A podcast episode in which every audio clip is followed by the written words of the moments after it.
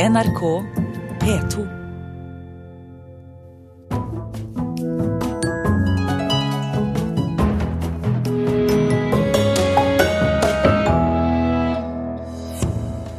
Høyblokka i regjeringskvartalet kan bli revet uansett hvem som styrer landet. Rekrutteringen innen folkemusikkfeltet er god, mener unge utøvere. Under årets landskapleik konkurrerer over 1300 utøvere innen tradisjonell dans og musikk. Og fargerikt og velspilt, konkluderer vår anmelder etter gårsdagens konsert under Risør kammermusikkfestival. Du hører på Kulturnytt med Elisabeth Tøtte Hansen i studio. Ingen av stortingspartiene er avvisende til at Høyblokka i regjeringskvartalet kan bli revet. I går fikk regjeringen en rapport som konkluderte med at det vil være mest økonomisk å rive og bygge nytt. Politikerne må se på mer enn prislappen, mener arkitekturekspert. Det der er det Erling Wiksjø selv som har um, gjort. Uh, og mønsteret på søylene inne er det også han som har gjort. Og så er det Inger Sitter og mange andre som er uh, pluss Picasso som har bidratt her. Seniorkurator Ulf Grønvoll ved Nasjonalmuseet viser hvordan kunsten og arkitekturen i høgblokka i regjeringskvartalet henger sammen. Han mener det vil være galt om bygninga skulle bli rivet. Det som utredningen sier, er at man kan godt bevare høyblokken, men det har sin kostnad. Så det er et, i grunn et ganske enkelt valg om vi da skal vurdere de kulturhistoriske, arkitekturhistoriske verdier som Høyblokken representerer, mot den summen som det koster å gjøre den til en hensiktsmessig og praktisk kontorbygning. Eh, og det syns jeg man skal gjøre. I går fikk regjeringa en rapport om hvordan framtidas regjeringskvartal bør se ut. Her blir politikerne bl.a. rådd til å rive Høgblokka og tre andre bygg, fordi bevaring vil bli langt dyrere enn å rive og bygge nytt. Et fornuftig forslag, mener Morten Ørsal Johansen fra Frp. Nei, sånn eh, Rent personlig så, så syns jeg dette høres eh, ut som eh, et godt forslag i, i utgangspunktet. Det er store kostnader forbundet med, med gjenbruk, og du vil få et mer tidsriktig og godt, eller gode bygg hvis du bygger nytt. Ingen av de andre partiene på Stortinget vil heller avvise at riving kan bli aktuelt. Ranveig Kvifte Andresen fra SV sier de vil drøfte saka internt i partiet, men at økonomi vil være viktig. Nei, jeg syns ikke man skal eh, avvise en rapport eh, umiddelbart. Men eh, man må ta de elementene som ligger her i dag, og se hvor stor kulturverdi har det. Det er viktig å ta vare på bygg fra ulike tidsepoker. Og der har Høyblokka vært ett bygg som man har sett på som viktig å ta vare på. Men hvis omkostningene blir altfor store, så må vi jo se eh, hvilke andre muligheter som finnes. Og hun får støtte fra Hans Olav Syvertsen i eh, KrF. Eh, vi er absolutt åpne for å se på en sånn anbefaling. Med én forutsetning, det er jo at vi får ivaretatt den kunsten som var der, på en god måte. Seniorkurator Ulf Grønvoll ved Nasjonalmuseet mener Høgblokka med sin arkitektur og integrerte kunst har en egen verdi, og håper derfor politikerne ikke bare ser på prislappen. Jeg vet ikke om politikerne egentlig har tatt inn over seg eh, det at problemstillingen er så enkel. At det egentlig er snakk om noen hundre millioner i differanse mellom å bevare og integrere Høyblokken og ikke gjøre det. Eh, jeg tror at den, eh, det enkle valget må synke inn, og så tror jeg nok kanskje stemningen kan komme til å snu seg. Og selv om ingen avviser riving i dag, mener Grønvoll slaget er langt fra tapt. Dette er bare begynnelsen på en bevisstgjøring. Reporter var Espen Alnes.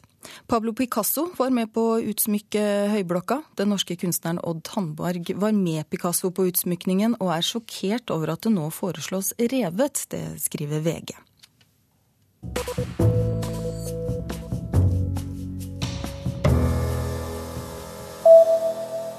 Boken 'Politi' av Jo Nesbø har fram til nå hatt en brutto omsetning på ca. 160 millioner kroner.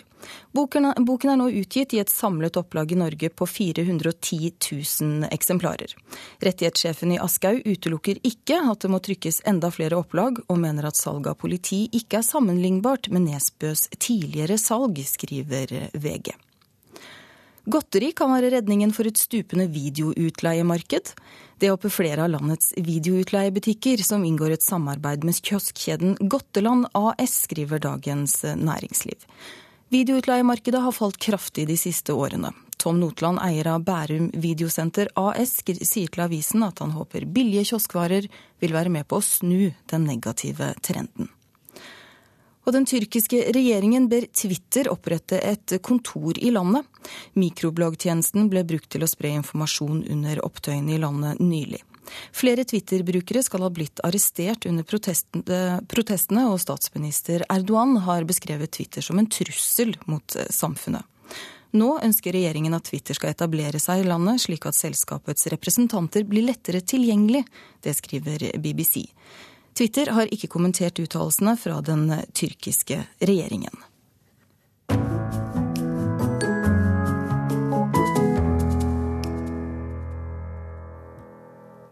Rekrutteringen innen tradisjonell folkemusikk er god, mener mange utøvere. Årets største arrangement innen folkemusikkmiljøet er i gang med over 1300 deltakere. I år arrangeres det på Røros, og i disse dager er folketallet mer enn fordoblet i Bergstaden.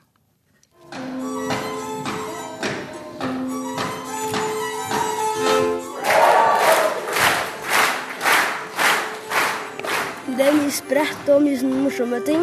Jeg kan danse. Har du ikke lyst til å begynne med det når du blir gammel? Kanskje. Vi spiller nå fele. Gymsalen i Røros er forvandla til NM-arena i folkedans, og ikke en stol er ledig. På scenen danser gutter og jenter halling ikledd folkedrakt.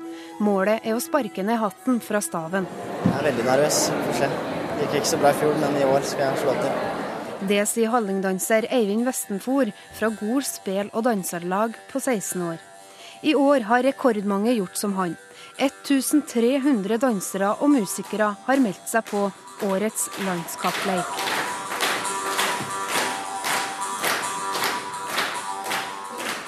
Tror Når du først kommer inn i det, så er det utrolig fascinerende. Det er en spennende tradisjon å ta vare på.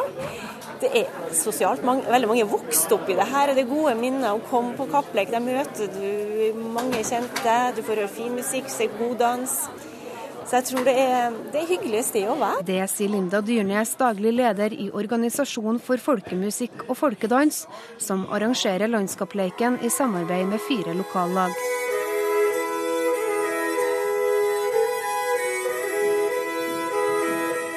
Inne i en annen sal konkurreres det i folkemusikk.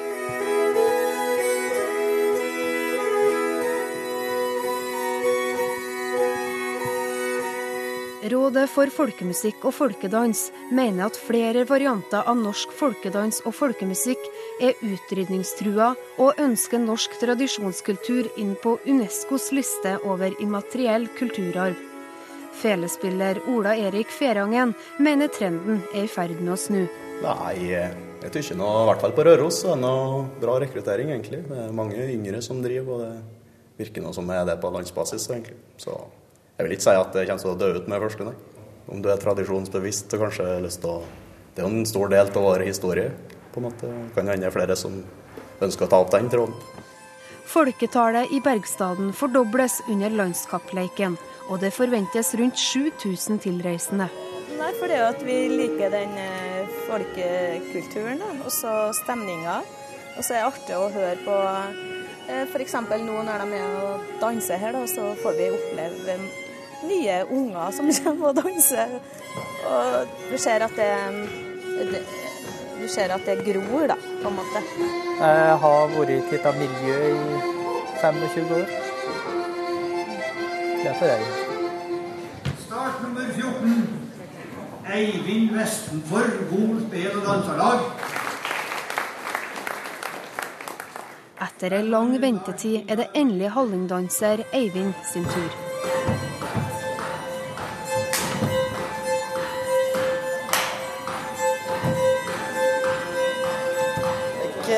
Greit. Det får ikke perfekt, men det gikk bra, det. Hva var det som mangla, da? Det, nei, det er det å lande på absolutt alt jeg gjør, men det er jo ikke Da skal alt klaffe, og det gjorde ikke det. men det var Jeg syns det gikk bra. Så.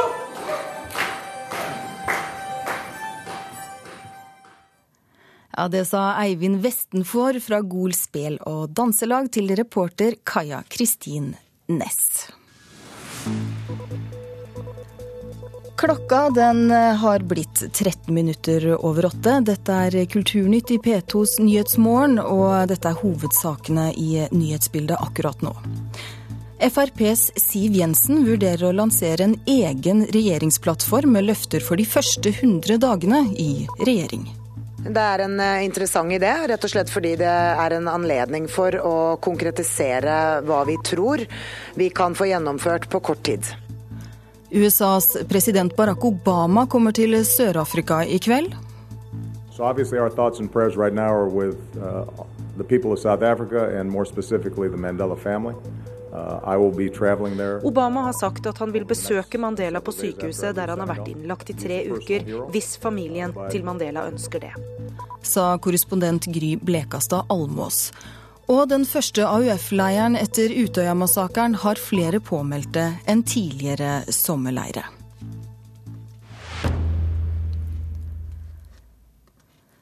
En ny digital revolusjon kan snu opp ned på høyere utdanning. Åpne og helt kostnadsfrie kurs har blitt svært populære ved amerikanske prestisjeuniversitet det siste året. Og nå kommer trenden til Norge. NTNU i Trondheim sitt første, starter sitt første kurs til høsten. Sosiale medier og blogger står sentralt i undervisningen. This course is for people who love to travel. Hello and welcome to my course on cryptography. The course involves Det finnes nå et vell av universitetskurs gratis tilgjengelig på nettet. Gjerne med professorer fra toppuniversiteter som Stanford og Yale. Interested? Well, you should be. Nettundervisning i seg selv er ikke nytt. Det nye er at informasjonen er helt åpen. Du trenger f.eks. ikke studiekompetanse for å delta, og det er ofte helt gratis. Dessuten kan hundretusenvis av studenter følge samme kurs. Fenomenet kalles MOOC. En MOOC står for Massive Open Online Course, og det er rett og slett en annen måte å levere kunnskap på i samfunnet. Professor Arne Krokan ved NTNU starter til høsten den første norske MOOC-en. Kurset heter Teknologiutvikling og samfunnsendring, og Krokan stiller nye krav til deltakerne. Mine studenter de blir tvangsbloggere. De må dele ressurser via Twitter og via andre sosiale medier, så det er absolutt en viktig del av dette her. Og, og så er det en side til av det. Um, når man bruker sosiale medier, så er en milliard mennesker bare et tasteklikk unna det vi driver med, så det er et potensielt stort marked der ute, hvis vi bruker de rette språkene i hvert fall. Jeg syns det er en helt fantastisk mulighet. Sier student Ivar Urdalen på Skype fra Brasil. Han har det siste året tatt fem gratiskurs fra amerikanske universiteter. Det beste det er at det er eh, helt gratis utdanning fra verdens beste universiteter med verdens beste professor. Den nye trenden interesserer også norske myndigheter, og kunnskapsminister Kristin Halvorsen har satt ned et utvalg som skal undersøke hvilke konsekvenser nyvinningen kan få. NTNU-professor Krokan sitter i utvalget, og ifølge ham er MOOC den store snakkisen i Utdannings-Norge for tiden. Nei, dette er jo noe som er i, i vinden akkurat nå. Vi lager det første store MOOC-konferansen i, i, Norge til høsten. Og, og veldig mange, mange, universiteter og høyskoler er veldig opptatt av dette. her, Og ikke minst er veldig mange mennesker opptatt av hvordan de kan skaffe seg tilgang til god undervisning på nett. Så, så jeg tror vi kommer til å høre mye mer om MOOC. Og reporter her, det var Fredrik Lauritzen.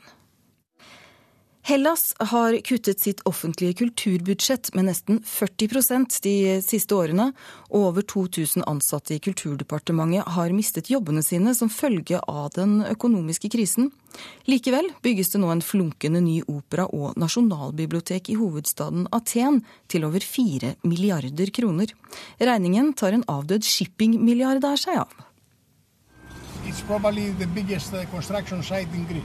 Prosjektleder Theodor Maravelias er tydelig stolt der han kjører rundt på det han mener er den største byggeplassen i hele Hellas for tiden. Det er ennå lite som avslører hva armeringsjern og fundamenter på den 240 000 kvadratmeter store byggeplassen sør for sentrum av Aten til slutt skal bli. Men om tre år skal alt stå klart og lyden av gravemaskiner og sveiseapparater byttes ut med noe helt annet.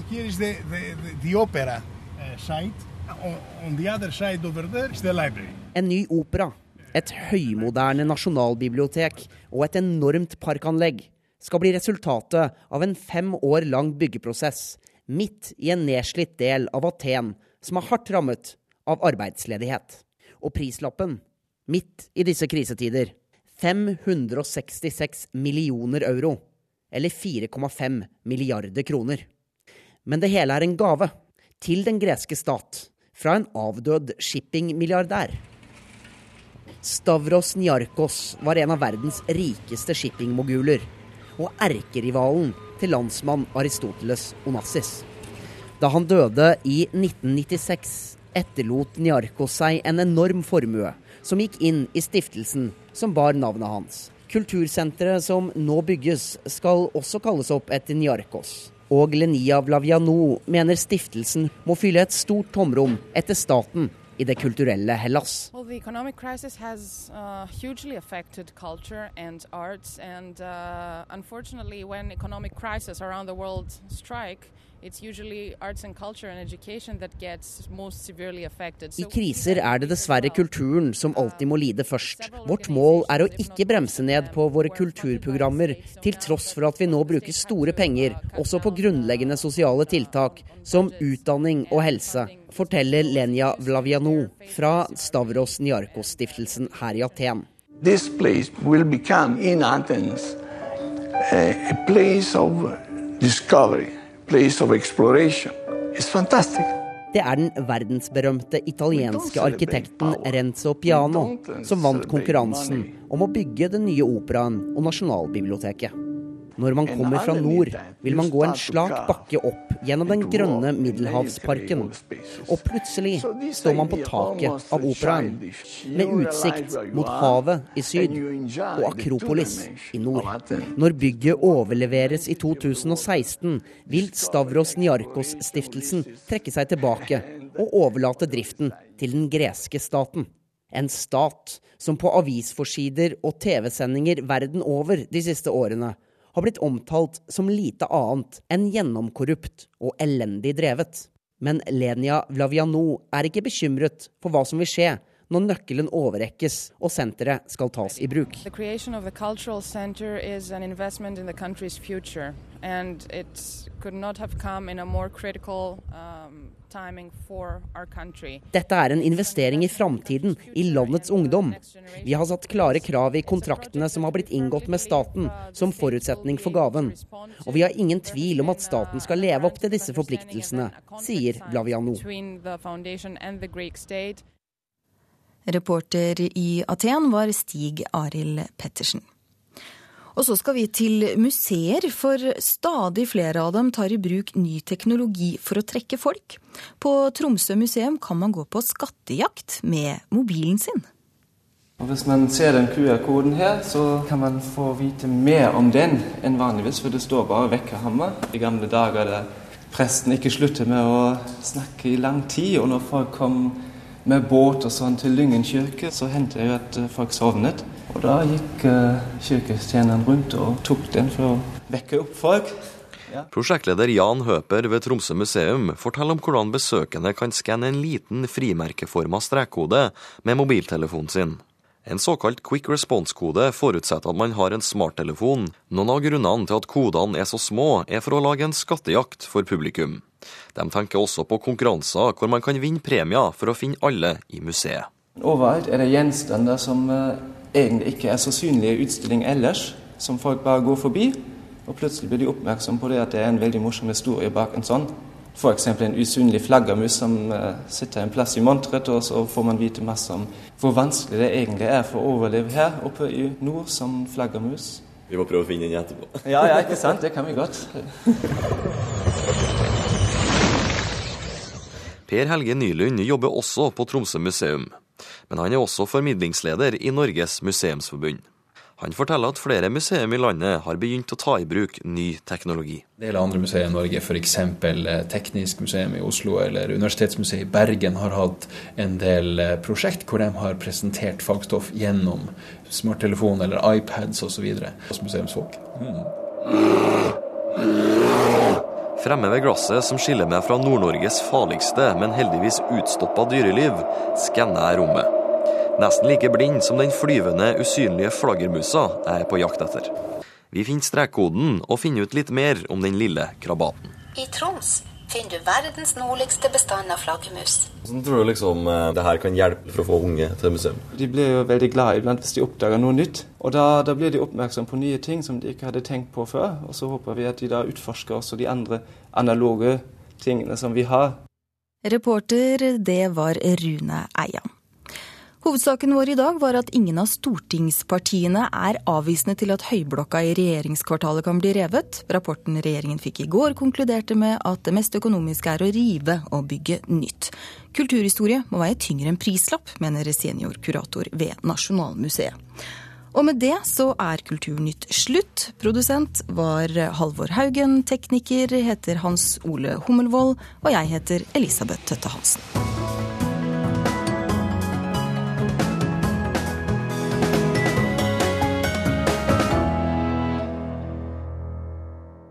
Hør flere podkaster på nrk.no podkast.